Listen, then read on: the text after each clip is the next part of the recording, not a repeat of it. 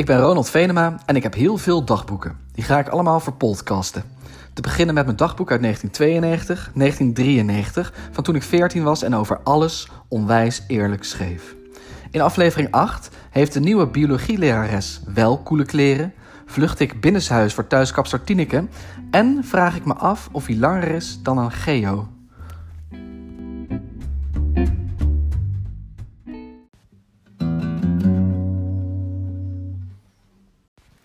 18 februari 1993, donderdag, 16 uur 12.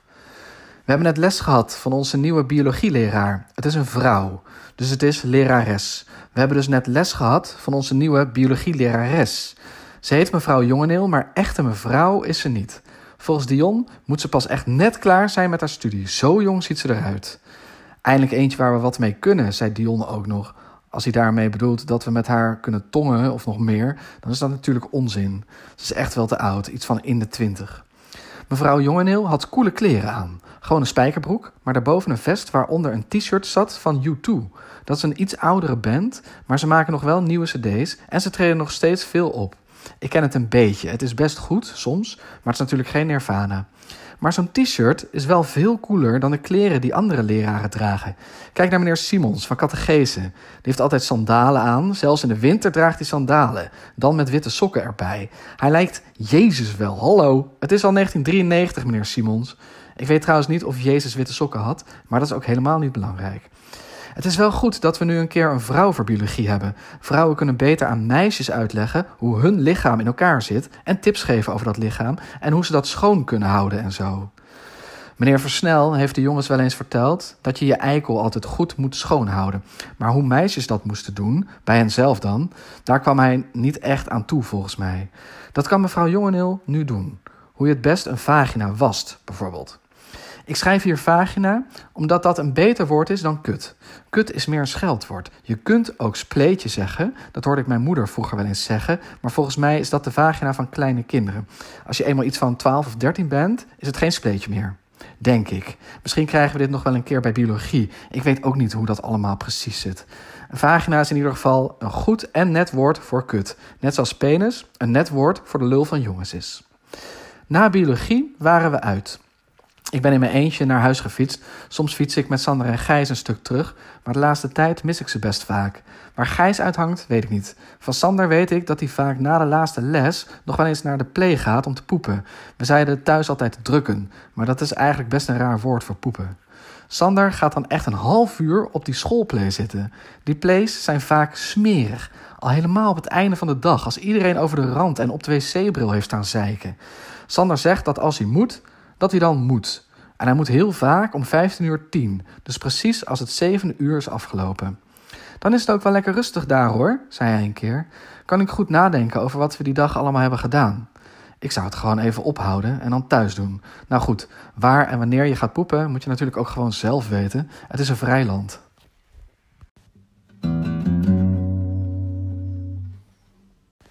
...22 februari 1993, maandag, 21 uur 35. In mijn zolderkamer zit een luik. Als ik niet wil dat er iemand binnenkomt, doe ik het luik dicht en ga ik erop staan. Ik ben best mager, dus niet heel zwaar, maar als ik erop ga staan, lukt het je echt niet om binnen te komen. Ik heb dat net ook gedaan. Bij het avondeten zei mama dat Tineke vanavond kwam. Ik zei, nu alweer? Ik wil niet geknipt worden. Mama zei dat het gewoon alweer tijd voor de kapper was. En ze vond dat we er allemaal netjes uit moesten zien, want Bas is overmorgen jarig, dan komt de hele familie. En over twee weken vieren we dat opa en oma 50 jaar geleden zijn getrouwd. Oh ja, ik ga dan nog één keer missionaar zijn. Ik heb, al wat, ik heb al wel geschreven dat ik niet in God geloof en dat doe ik nog steeds niet. Maar mama zei dat Bas en ik allebei geld van de pastoor krijgen als we het doen. Ik vroeg hoeveel. Ze zei vijf gulden volgens mij. Dus dat is het wel waard. Om zeven uur stond Tineke voor de deur. Ze knipte eerst Vera, toen Bas. Jouw beurt, Ronald, zei ze. Zullen we het lekker kort doen? Ik zag dat ze een knipoog gaf aan mijn moeder, kutwijf. Mijn haar was nu eindelijk weer wat langer. Ik wilde niet nu alweer laten verkloten door die Tineke met haar schaar. Ik zei dat ik eerst even naar de wc moest. Maar ik ging niet naar de wc. Ik ben naar mijn zolderkamer gegaan. Ik heb het luik dicht gedaan en heb hard mijn bandje van Nirvana aangezet. Come as you are. Toch kon ik duidelijk horen dat mama de trap naar zolder opstampte en ben ik dus snel op het luik gaan staan. Ze duwde een beetje tegen dat luik, klopte er toen tegen en vroeg wat ik aan het doen was. Ik zei dat ik muziek luisterde. Maar je moet nu geknipt worden, riep ze door het luik heen. Nee, zei ik, dat hoeft dit keer niet. Ik wil het wat langer, net als Kurt Cobain. Mijn moeder schreeuwde wie dat nou weer was en of die colera muziek wat zachter kon. Ik zei dat dat niet ging, omdat het allemaal erg goede liedjes zijn.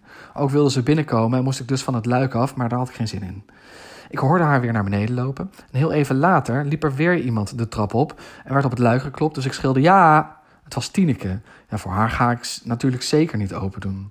Ze vroeg of ik naar beneden kwam. Ze zou echt alleen maar een beetje bijknippen. Dat zegt ze altijd. Maar als ze dan klaar is, ben ik zo wat kaal. Dus daar trap ik niet in. Ik zei dat ik dit keer de knipbeurt oversloeg. Omdat ik anders nooit zulk gaaf haar krijg als Kurt Cobain. Het bleef even stil. En toen zei ze... Ik doe alleen de dode puntjes, afgesproken? Ik voelde aan mijn haar. Had het wel vaker over dode puntjes, maar ik wist niet of ik die wel had.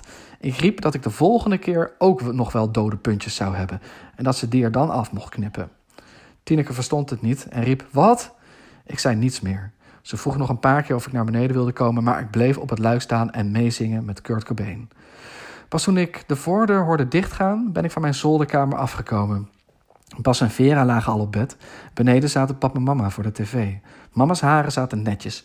Papa's haren zaten gewoon als altijd. Hij wordt nooit geknipt door Tineke. Pap gaat altijd naar zijn eigen kapper, die hij al zijn hele leven heeft. Mama keek een beetje boos naar mij. Wat was dat nou? vroeg ze. Niets, zei ik. Ik wil alleen niet geknipt worden, want ik wil langer haar. Meer hebben we niet gezegd. Ik ben gaan tanden poetsen en naar mijn kamer gegaan. nu ga ik nog een paar liedjes van Nirvana luisteren met mijn koptelefoon. Yes, eindelijk krijg ik langer haar. Hello, hello, hello, hello.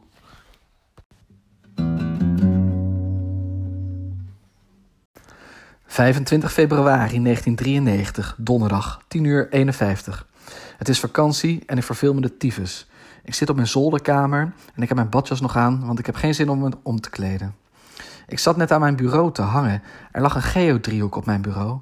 Je kunt daar best veel mee. Bijvoorbeeld iets opmeten, wat 14 centimeter lang is. Ik keek daar zo naar en dacht ineens: 14 centimeter? Dat is volgens Dion precies hoe lang de piemel van volwassen jongens gemiddeld is. Als hij stijf is, bedoel ik. Ik heb net gekeken of mijn piemel net zo groot is als mijn geo. Ik weet niet precies vanaf waar je moet meten. Mijn piemel begint niet meteen vanaf mijn onderbuik of zo. Er zit een stukje tussen. Tussen mijn onderbuik en waar de piemel eigenlijk echt begint. Dat tussenstukje is iets van 2 centimeter. Als ik dat meereken, red ik die 14 centimeter precies. Ik kan mijn geo ook een beetje in mijn onderbuik purren, dan is hij zelfs 15 centimeter. Dat telt misschien niet, maar als iemand ooit vraagt hoe lang die van mij is, ga ik misschien toch 15 centimeter zeggen. Net iets langer dan gemiddeld en iets langer dan mijn geo, yes. Sowieso best wel een goede score voor mij, voor iemand die qua lengte zo klein is als ik.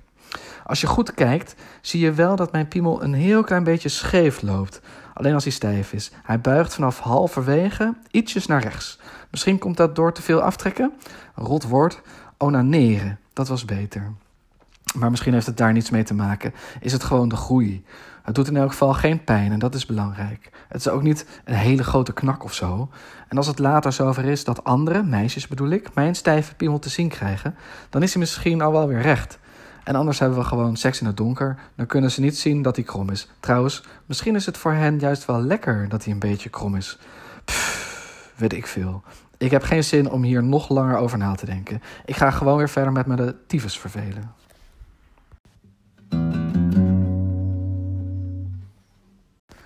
26 februari 1993, vrijdag, 20 uur 57. Vanmiddag was mijn broertjes partijtje omdat hij jarig was geweest. Hij had allemaal jongens uit zijn klas uitgenodigd. Die zijn 11 of 12. Onwijze kiddo's, ze weten echt nog niks. We gingen met z'n allen bolen, die gasten konden er niets van. Er was geen hol aan. Tot zover deze saaie dag. Dansles ging niet door, buiten is het koud en donker en overdag waren er alleen maar wolken.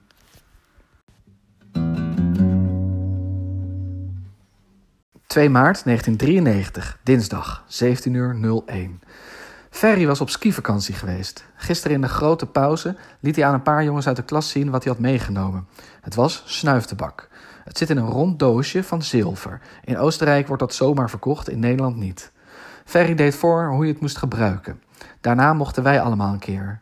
Je tikt wat van dat bruine spul uit het doosje op je hand, daar tussen je duim en wijsvinger, waar ik meestal oefen met tongen. En vanaf daar snuif je het zo in je neus.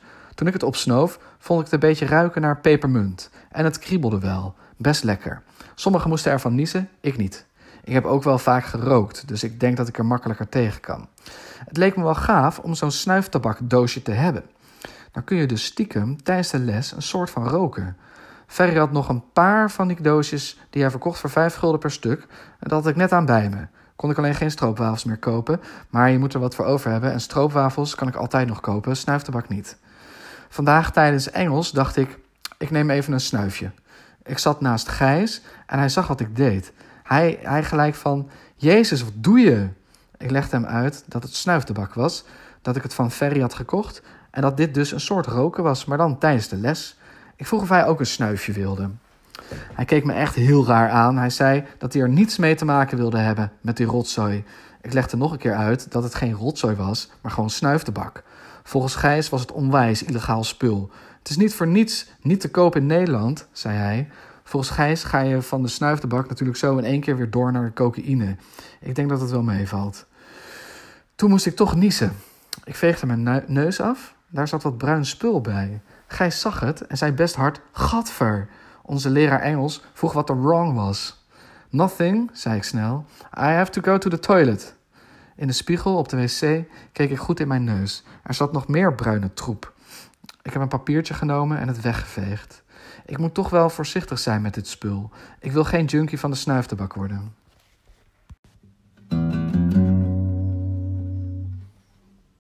...4 maart 1993, donderdag, 21 uur 22. Het was koud vanavond bij de voetbaltraining. Als het zo koud is geweest, krijg ik altijd een kleine piemel. Dan moet hij eerst opwarmen voordat hij een beetje normaal is. Ik wacht dan altijd even met uitkleden. Ik hoop dan altijd dat hij snel weer mijn gewone lengte heeft. Sommigen hadden zich na de training wel meteen uitgekleed en liepen op hun slippers naar de douches. Toen ik lang genoeg had gewacht, deed ik ook mijn voetbalkleren uit en pakte ik mijn handdoek en mijn zeep. Ik was alweer mijn slippers vergeten. Ik kijk onder de douches vaak stiekem naar de andere piemels. Die zijn soms groter, maar soms ook kleiner. Alle douches waren bezet en er stonden ook nog drie jongens voor mij te wachten. Michiel was een van hen.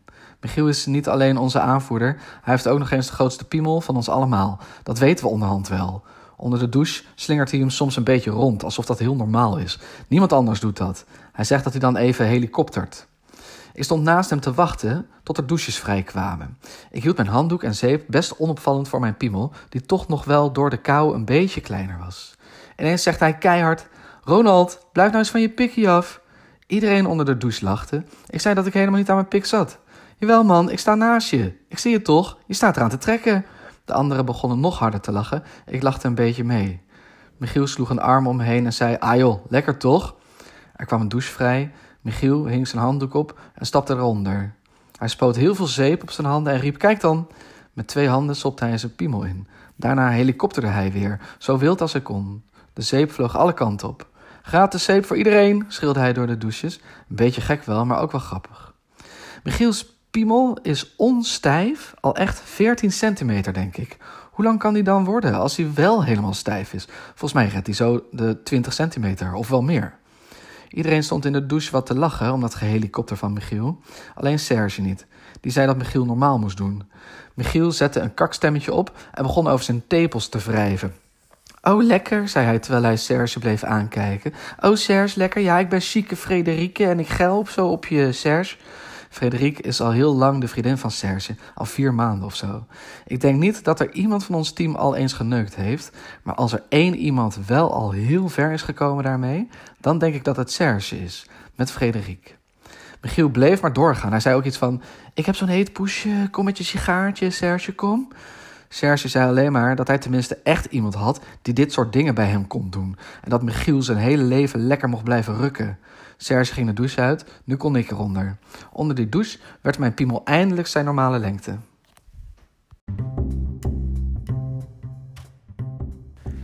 Dit was aflevering 8 van de podcast Alles Onwijs Eerlijk. Wil je me wat vertellen? Mail me dan op ronaldvenema78.gmail.com Twitter, @ronaldvenema. En nu snel de volgende aflevering luisteren. Een aflevering waarin ik me, nadat ik nog één keer misdienaar heb gespeeld, bedrogen voel door de pastoor.